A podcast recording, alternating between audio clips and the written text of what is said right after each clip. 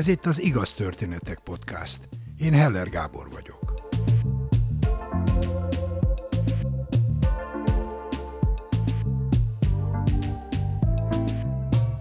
A mai két történet szélsőséges esetekről szól. Olyanokról, amikor az ember hirtelen úgy érzi, nincs kontrollja az élete felett. A közvetlen életveszélyes fenyegetés mellett talán ez a legfélelmetesebb lelkiállapot.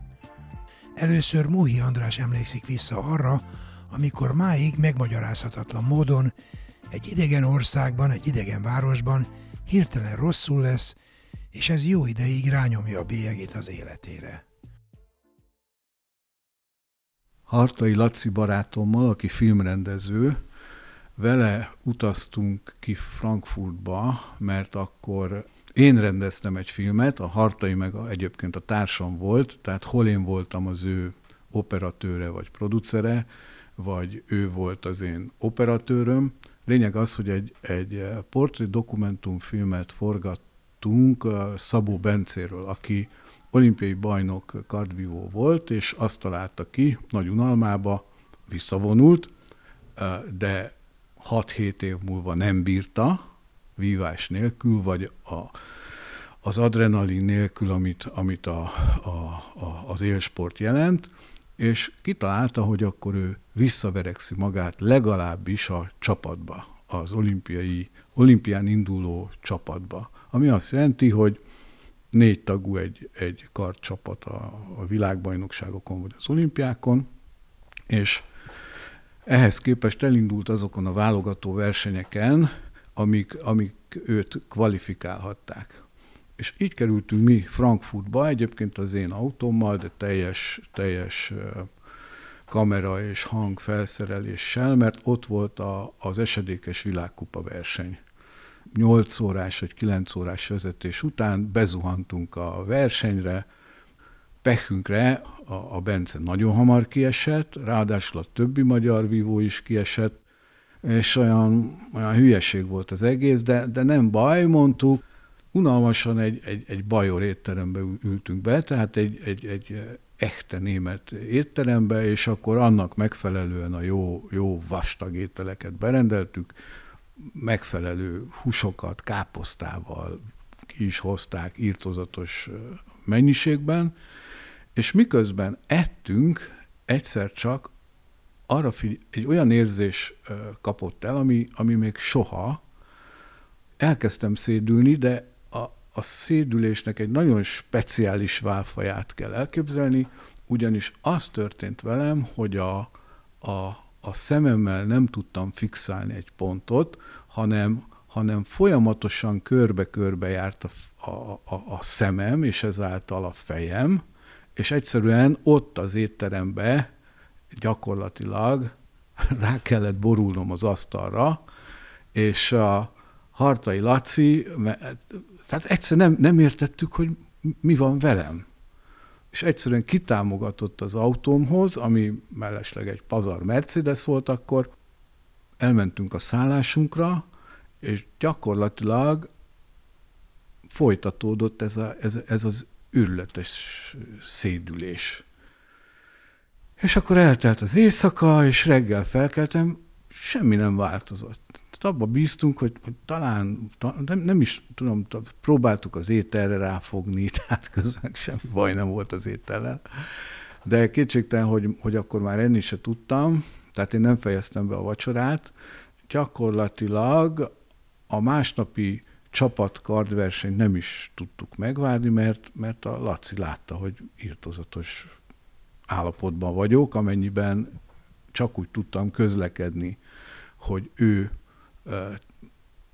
a hónom alatt, tehát így átkaroltam, és, és, és gyakorlatilag elvitt az autóig, és berakott az anyósülésre, és hazaszállított, végig ő vezetett értelemszerűen, majd átadott a, a feleségemnek, Klárinak, Muhi Klárinak, és innen indult egy, egy számomra egészen elképesztő veszőfutás. Nem volt hullámzás ebben a, ebben a szédülés érzésben, hanem ez, ez állandó volt, és gyakorlatilag csak úgy tudtam normálisan létezni, hogyha feküdtem, és csukva tartottam a szemem. És az volt az érdekes, hogy, hogy eközben elindultak a, a képek, mindig, ha becsuktam a szemem, akkor rengeteg, rengeteg képet láttam a múltamból, de főleg a közelmúltamból, mert az hozzá tartozik, hogy, hogy én akkor nagyon, nagyon, nagyon keményen éltem, mert eh, egyrészt egy vállalatnak, a Csepeli Kovácsológyárnak voltam akkor az igazgatója, és ezzel párhuzamosan próbáltam bemászni a, a magyar filmbe, hát ekkor még, még nem is tudtam, hogy én valójában akkor is produceri tevékenységet végeztem, de, de hát a televíziókban, az akkori Királyi tévében, meg a Duna televízióban ilyen kulturális műsorok úgymond rendeztem, vagy pedig a, a Hartai Laci mellett olykor operatőrködtem, vagy gyártásvezetőként működtem, de azért ez, ez, ez sok volt, ráadásul akkor még a gyerekeim is elég kicsik voltak, mert ekkor én vagyok 42 éves, és akkor a, a kisfiam mondjuk 14, a, a kislányom pedig 4, teltek, múltak a napok, hát először kihívtunk persze egy körzeti orvost, aki hát rá se tudott mozdulni a problémára, kaptam beutalót mindenféle szakorvoshoz, és mivel én a Váci utcában laktam, tehát az ötödik kerületben az ott egy jó szakorvosi rendelő, és a, a, gyakor, a Klárinak a támogatásával, mert egyszerűen nem tudtam egyenesen menni. Tehát a, a lakásban is úgy közlekedtem, hogy ha muszáj volt, hogy tulajdonképpen fogtam a falat, és a fa, falat eh, támasztva és, és, és eh, ott tapicskolva jutottam el A-ból B-be. De lehetőleg nem mentem sehová, mert az volt a legjobb, hogyha mondom, ha feküdtem, csukva volt a szemem, és néztem a, a, a rám ömlő képeket. És akkor próbáltuk eh, ezt, ezt így filmesként, ráadásul a Klári film esztét, a filmkritikus a mai, ma már nem, de akkor, akkor gyakorló filmkritikus volt, és, és, és mivel képekről van szó, próbáltuk értelmezni, és, és hát azt gondoltuk, hogy én annyira túlhajtottam magam, így a, a munkám, a, a filmezés, és a gyerekek, és a, és a pénzteremtésnek a Bermuda négyszögében, hogy, hogy talán, talán most visszaütött a, visszaütött a testem és, és, és, és üzent, hogy na most akkor meg kell állni. De ez, ez egy tetszetős filmesztét a magyarázat volt, ebben egyet is értettünk, csak azt nem láttam, hogy én hogy fogok így élni. Mert közben meg teltek, azt kell mondjam, a hetek.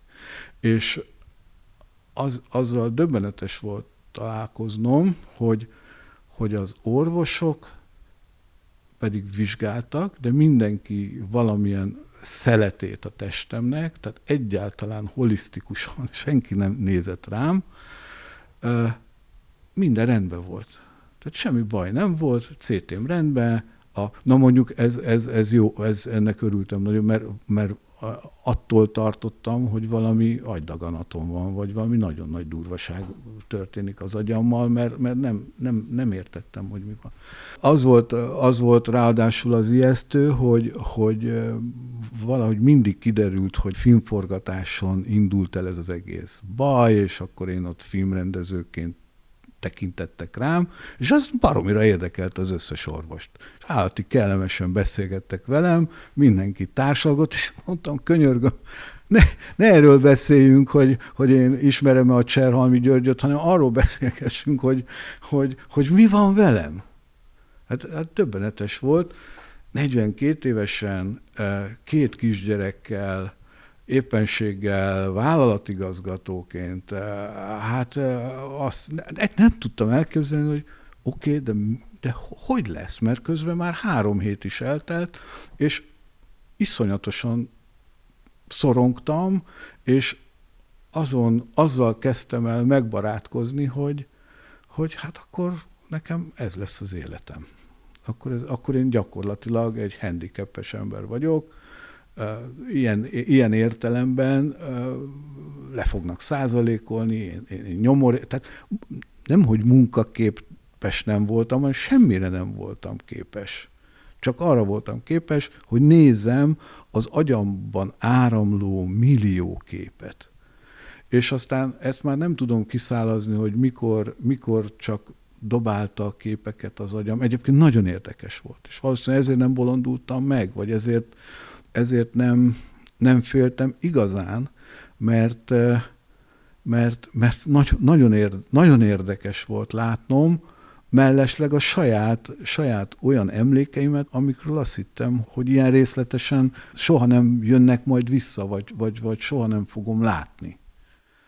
Az is érdekes volt, hogy, hogy, hogy a Klári nem pánikolt be, mert, mert hát azért, hogy mondjam, filmesztétaként ő nem tudta volna eltartani a mi családunkat, ráadásul most már egy, egy rokkanttal, és most utólag, amikor beszéltem vele, akkor, akkor mondta, hogy ő ezt egyszer nem hitte el. Látta, hogy nagy a baj, és hogy én mindenre alkalmatlan vagyok, de hogy azért ez, ezt nem lehetett elhinni. És most beszélgettem a most már felnőtt gyerekeimmel, hogy ők ezt hogy élték meg, és mind a kettő azt mondta, hogy semmiféle traumát nem okozott nekik, pedig hát csak feküdtem az ágyba, de úgy látszik, hogy a Klári, meg adott esetben én is tudtuk olyan megnyugtatóan interpretálni a szituációt, hogy, hogy ők egyáltalán nem ijedtek meg. Tehát ők nem, nem gondolták, hogy jó, majd egyszer csak fölállok, és akkor minden megy ugyanúgy, ahogy volt. És szerintem a negyedik hét végén ismét akkor nem tudom, hogy most ez egy álom volt, vagy pedig valószínűleg hogy álom lehetett, nem, ez álom lehetett, mert ennek nem volt alapja. Tehát itt hirtelen olyan képeket láttam álmomba, amit én korábban nem, nem láthattam, ráadásul eléggé barokkos, rokokós képzuhatagon vágtam át mindig, és ez pedig egy teljesen letisztult, egyszerű kép volt. Azt láttam, hogy egy teljesen homogén háttér előtt egy üveg akvárium, aminek a, a, a szája az nyitott, és abban egy nagyon szép arany halacska úszkál fölle, fölle, fölle. Tulajdonképpen így, mint hogyha a végtelen jelet rajzolnák ki a mozgásával, és ezt hosszan néztem, és egyszer csak megláttam, hogy nincs benne víz. Nincs az akváriumban víz. És akkor töltöttem bele vizet, semmi nem változott, tehát a halacska ugyanúgy mozgott tovább, tehát ez nem egy, nem egy vergődés volt részéről a, a víz nélküliségben. És amikor felkeltem, már nem voltam beteg. Valószínűleg nem voltam még százszázalékos, de a, a 10%-ból feljöttem a 85%-ra, az biztos, hogy rögtön elkezdtem működni, és nagyon hamar az a, az a következő 15% is visszajött. És mondhatom, hogy én egyébként egy kő materialista, vagy ateista vagyok, ami persze megint a realizmusból fakad, mert meg kellett látnom, hogy, hogy hiába van látszólag minden rendben, de nem volt minden rendben, mert nem volt víz az akváriumban.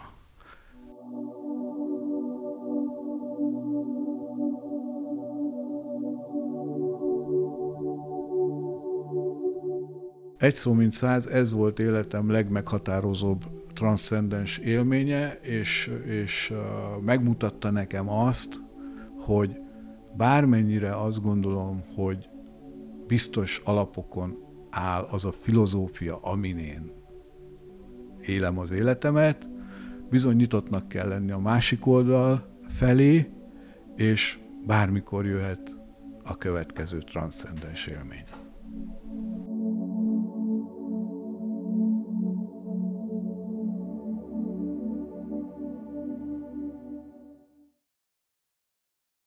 Móhi András producer, operatőr, rendező.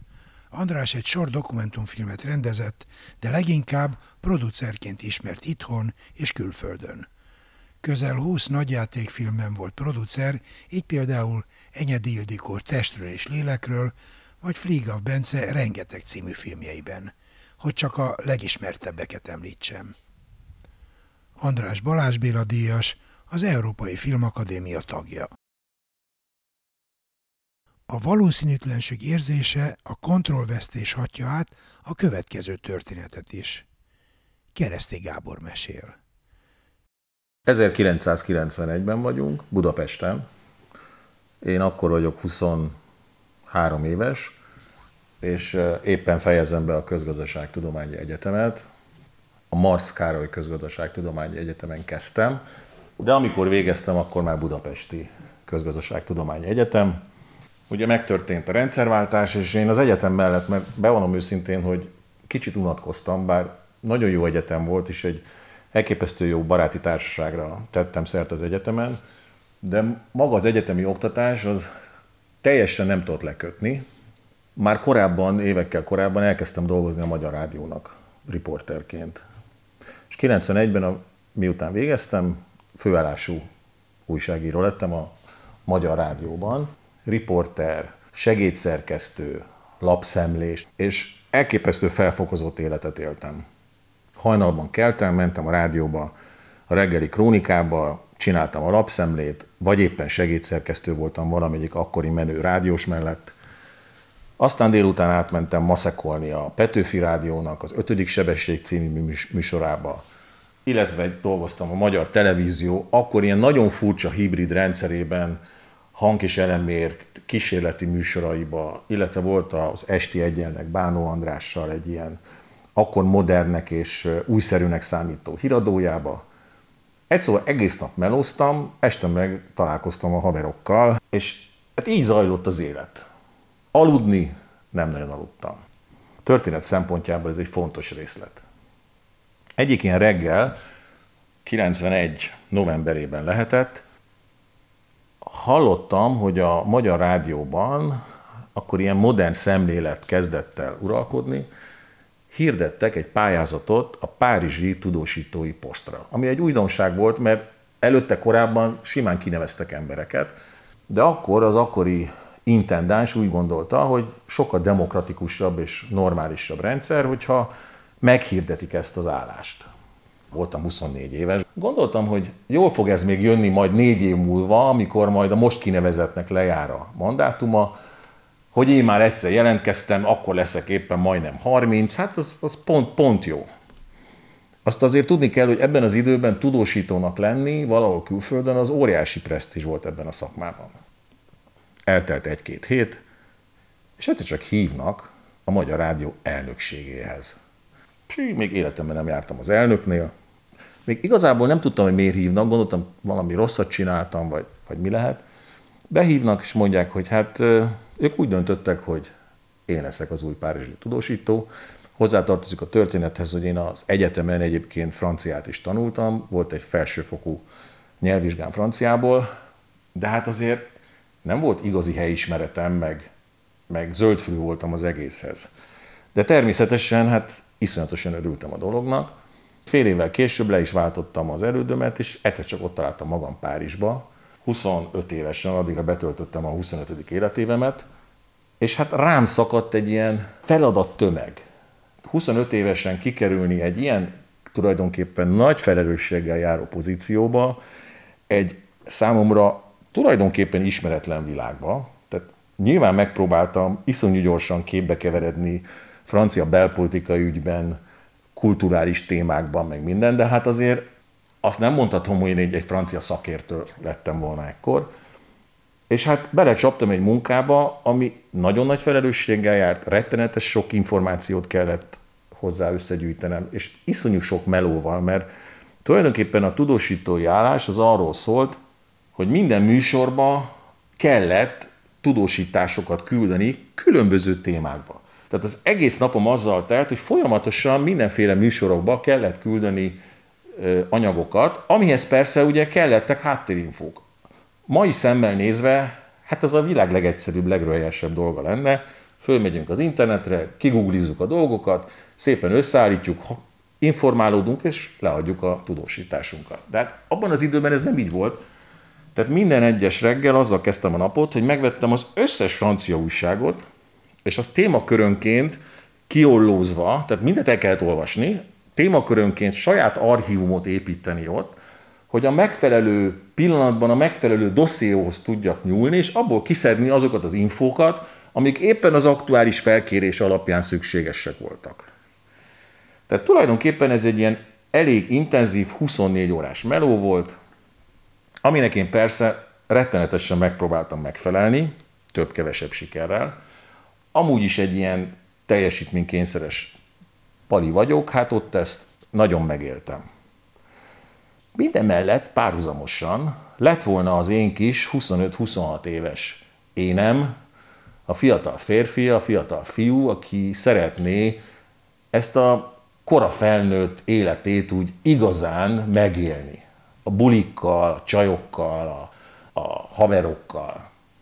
De hát én ott egy elszigetelt életet élek, a, a, a Magyar Rádió által bérelt, egyébként pazar, kétszintes, gyönyörűségesen felújított belvárosi párizsi lakásba. Hát mindenki irigyelt engem, hogy a világ közepén élek, és hát ilyen gyorsan ezt elérni, ez fantasztikus. Az egész életem úgy zajlott, hogy a lakásom, az irodám, az étkezőm, nagyjából minden egy helyen. És soha nem tudod, hogy mikor csörren meg a telefon, és mikor kapsz egy felkérést. 92-től tehát Párizsban élek, és próbálok olyan rendes tudósító lenni, és néha napján időt lopni arra, hogy a privát, fiatalkori felnőtt énemet is megélhessem. Mit tesz Isten? Jelentkeznek Budapestről a barátaim, hogy képzeljem el, hogy ők úgy döntöttek, hogy az egyik volt évfolyam társunknak lett egy amerikai csaja, és hogy úgy döntött a család, hogy Hollandiába lesz az esküvő, mert hogy egyébként bekötötték a fejét, de ha már egyszer ők elindulnak, meg eljönnek, akkor ők úgy döntöttek, hogy kijönnének Franciaországba, Chamonixba síelni egyet, és majd a síelés után elmennek Amsterdamba, és Amsterdam mellett egyébként Hágában ott lesz az esküvő, és akkor ez az egész milyen jó kis program, és hogy csatlakozzak. Hát mondom nekik, figyeljétek ide, az van, hogy én innen nem tudok csak úgy elmenni, de mindent megteszek azért, hogy megpróbáljak a lehető legtöbb időt veletek tölteni. Kijönnek síelni, elmennek Samoniba. Én gondolkodom azon, hogy végül is most ki fogja azt megtudni, hogy én most Párizsból tudósítok, vagy a hegyekből Samoniba. Végül is ugyanazon a telefonvonalon keresztül fog elmenni a hangom. Majd úgy csinálok, mint a Párizsba lennék, de közben mégis a Samoni sípáján vagyok. Valahogy ezt megoldom. Ellógtam Samoniba a barátokkal síelni úgy, hogy ezt persze nem vallottam be a főnökömnek. Nem akartam erre szabadságot kérni, és valószínűleg nem is kaptam volna egyébként. Napközben eufórikus sielés, bulizás, de azért én hajnalba keltem, hogy meglegyen a tudósítás, fölkeltem mindenkinél korábban, kiosontam az alvó embereken keresztül, a helyi újságárusnál megvettem a lapokat, gyorsan mindent átnyálasztam, meghallgattam a reggeli 24 órás rádióadást, gyorsan kitaláltam, hogy mit fogok a déli krónikának leadni, telefonon keresztül leadtam, utána elmentünk síelni, a síszünetben megint fölmentem a telefonokra, megint megnéztem, beszélgettem a kollégáimmal, kinek mire van szüksége, délután kértem időt a barátoktól, megírtam a tudósítást, este megint bulizás, kezdődött reggel az egész. Tehát eléggé kimerült lettem ebben az időszakban, és akkor a síelés végén, a harmadik vagy negyedik napon, mert egy ilyen hosszú étvége volt, az egész társaság átment Hollandiába kocsikkal. Pénteken este megérkeztünk Hollandiába, szombaton kimegyünk az esküvőre. Ilyen igazi klasszikus esküvőt kell elképzelni. Amerikai ugye a menyasszony, magyar, egyébként jól szituált család gyermeke a vőlegény, apuka beszél, anyuka beszél, após beszél, az egyik, ezek a klasszikus ilyen amerikai poénok, viszonylag unalmas az egész, mondjuk azt, hogy jókedvűre isszük magunkat. És fogtuk magunkat, és taxival bementünk Amsterdamba. Gondoltuk, hogy Amsterdam kínál annyi érdekességet, hogy talán az jobb lesz, mint ha ott maradnánk az esküvőn. És persze jött a hirtelen ötlet, hát ha már itt vagyunk Amsterdamban, bevesszük magunkat egy coffee shopba. Ugye a coffee shop az a hely, ahol már akkor is Hollandiában, Amsterdamban legálisan lehetett vásárolni könnyű drogokat. A marihuánát, hasist és ezeket a könnyebb szereket. Bemegyünk az első ilyen coffee shopba, egy ilyen magasított asztalhoz odaülünk, kapunk egy menüt, rajta különböző nevek, a mamut árnyéka, a gorilla teste, a, tehát elképesztő furcsa elnevezésű cuccok, mindegyik valamilyen szerre utal, és akkor megy a dilemmázás, hogy hát mit fogyasszunk, ugye? Hát én teljes zöldfülű vagyok, életemben nem próbáltam ilyet, azt se tudom, hogy eszik vagy isszák. Az egyik srácot mondja, hogy ő tudja, hogy ez egyik az marihuána, a másik az származék, az bele van sütve egy sütibe, az egyébként tök jó, mert aki nem szeret dohányozni, az is azt meg tudja enni, space cake, és akkor azzal majd utazunk. Hát mondom, figyelj, akkor legyen az, kérjünk egy space cake-et. Még arra is emlékszem, hogy egy csokoládé ízesítésű, ilyen brownie-szerű space cake-et vettünk, finom volt. Üdögéltünk az asztalnál, vártuk a hatást. Az égvilágon semmit nem éreztem, beszélgettünk, még mindig semmi. Mondom, hogy gyerekek, ez az egész egy kamu, tuti, hogy nem sütnek bele semmit, ez egy hülyeség. Oda mentem a pulthoz, mondom a csávónak, hogy abból a gorillából kérek egy, egy ilyen spanglit. Mondja, hogy de hát most kaptál space cake-et. Mondom, azzal te ne foglalkozzál, nekem csak adjál a gorillából egyet. Megsodorta, odaadta, kifizettem. Én, aki egyébként egyáltalán nem is dohányzom, kettőt, hármat, jó, milyen, bele töffentettem. Visszaültem a többiek közé, és egyszer csak érzem, hogy úristen, így, így megváltozik a tér. Kitágulnak a falak, elkezdem nem hallani, hogy mit beszél a barátom. Hű, mondom, ennek felese tréfa, nem tudom, mi lesz itt. Minden esetre én most innen kimegyek erről a helyről, megnézem, hogy mi van az utcán, kilépek az utcára, forgatag, jönnek, mennek az emberek, mindenki vigyorog, mindenki nevetgél, picit csöpörög az eső. És szerintem abban a pillanatban beütött ez a bizonyos Space Cake is. Fú, mondom, te atya úristen, ez valami, ez valami, ez, ez valami borzalom. És nyilván, aki ez hozzá van szokva, annak ez semmi, hát hiszen halucinálni, vagy egy kicsit más látni, vagy kitágítani a teret, az biztos, hogy nem egy olyan ördögtől való dolog, de én ettől annyira beszartam, annyira nem tudtam vele mit kezdeni, és valószínűleg egyébként ez a sok cucc bennem, az alkohol, a szívás, a hes, meg minden, gyakorlatilag majdnem blackout lett a történetből. Az egyik barátom utánam jött, és nyilván látta, hogy én ott tántorgok a helyen, szerencsére fogott és kivitt a, a, a levegőre, hátrahúzta a melkasomat, és elkezdett belém tulajdonképpen talán nem túlzás azt mondani, életet lehelni. Én ugyanis ebben a pillanatban megéreztem azt, amiről korábban már hallottam, de hát rögtem rajta, hogy van olyan, hogy az ember kilép a testéből, és fölülről nézi, hogy mi történik vele. Hát is velem ez történt. Kiszálltam a testemből, és így néztem, ahogy engem Zsolt barátom hátrahúz, ütögeti a melkasomat, kapjak levegőt, hogy mi történt, a mai napig nem tudom, mert ebben a körülbelül 4-5 percnyi időben ott lent, alul egy filmet láttam, én meg ott fönt kuksoltam, és egyébként mondjuk pont semmi bajom nem volt, de a lenti énemnek ott, vala, ott volt valami zűrje. És akkor egyszer csak ebből a magaslati kilátó pozícióból visszakeveredtem magamba, megint ott voltam Amsterdamba a barátaimmal, kaptam egy csomó vizet, és valahogy összeszedtem magam. Kérdezték, hogy minden rendben van, Gábor? És hát természetesen mondtam nekik, hogy annyira nem érzem jól magam, de azt hiszem, hogy úgy minden rendben van. Hát a nagy fenét volt minden rendben.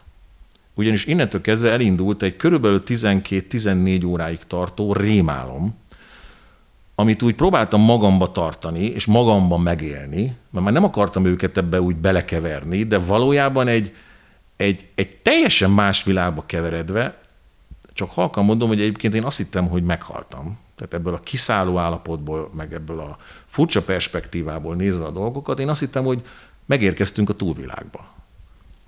Volt egy olyan fura elképzelésem, hogy ahogy baktattunk haza a szálláshelyünkre éjszaka, mindenki azt hittem már minden rendben van, és úgy egymás után mentünk. Ez egy ilyen monoton dolog, amikor az ember megy hazafelé.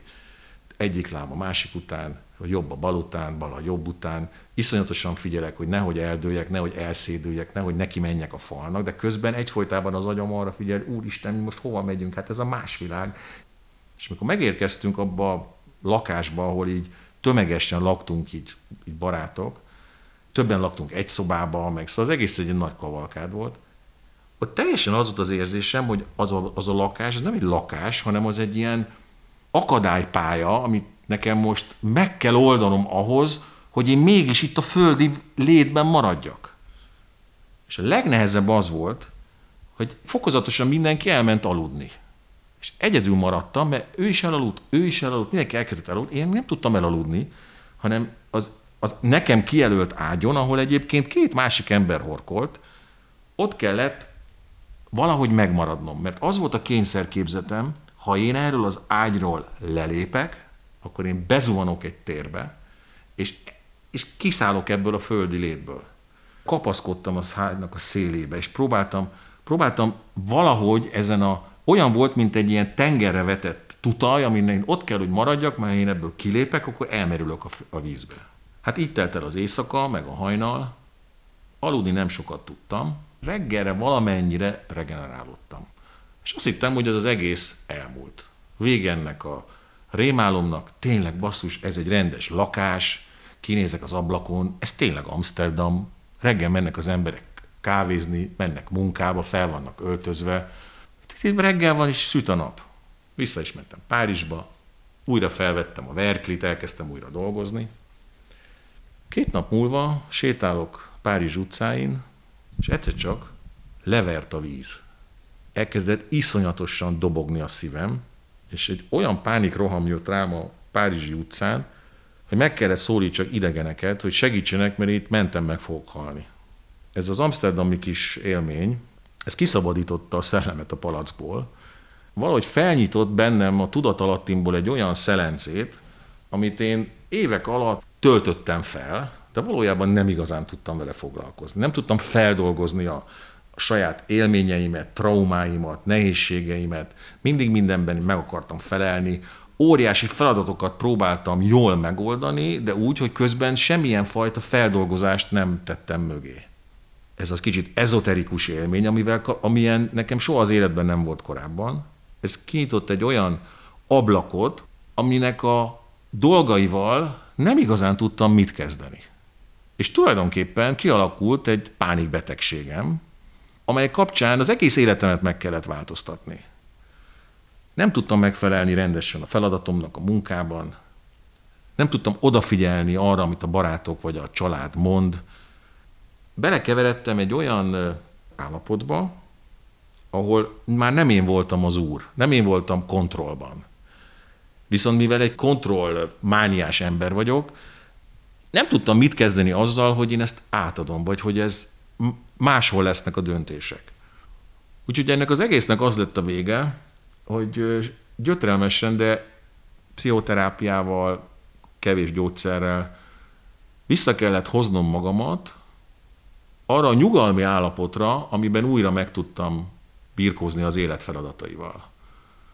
Ott hagytam Párizst, új életet kezdtem, a szakmámat nem hagytam el, és végül is a sors rendes volt velem, mert a magyar televízióban akkor elindult Objektív című műsornak lettem az egyik ilyen vezető szerkesztője, és nagyon jól alakult az életem. Családot alapítottam. Gyerekeim születtek. Egy olyan vállalkozást indítottam utána, ami a mai napig tart az életemben. Tehát tulajdonképpen történt egy ilyen, egy ilyen nagyon furcsa fordulópont az életemben, amikor kinyílt egy olyan szerence, amitől egyébként bevallom a mai napig rettenetesen félek. Nagyon nehezen tudok mit kezdeni ezekkel az kicsit ezoterikus, kicsit, kicsit nem materiális dolgokkal. Megküzdöttem ezzel a, mondjuk úgy, hogy nem a fizikai valóból, hanem az agyból származó problémakörrel, amit pánikbetegségnek, vagy szorongásnak, vagy nem tudom minek hívjuk. Nem mondom, hogy én ezt a mai napra meg is oldottam, most már 56 éves vagyok, valahogy együtt élek ezzel. Megtanultam ezt kezelni, de velem van. Ezt viszem magammal.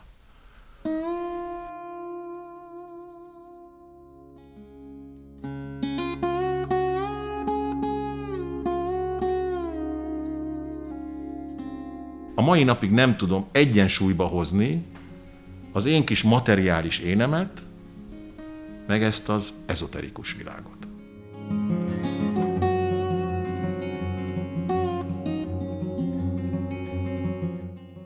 Manapság jó olyan mondatot hallani, hogy nagyon jól alakult az életem. De azt már nem teszi hozzá, hogy ez jó részt saját elszántságán, akaraterején, nem pedig a külső körülmények szerencsés összejátszásán múlt.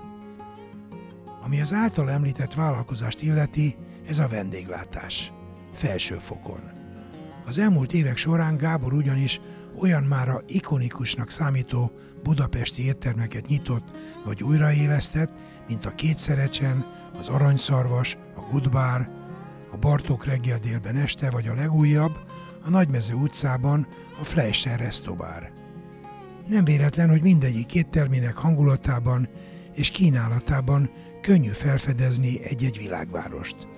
Párizst, New Yorkot vagy Berlint.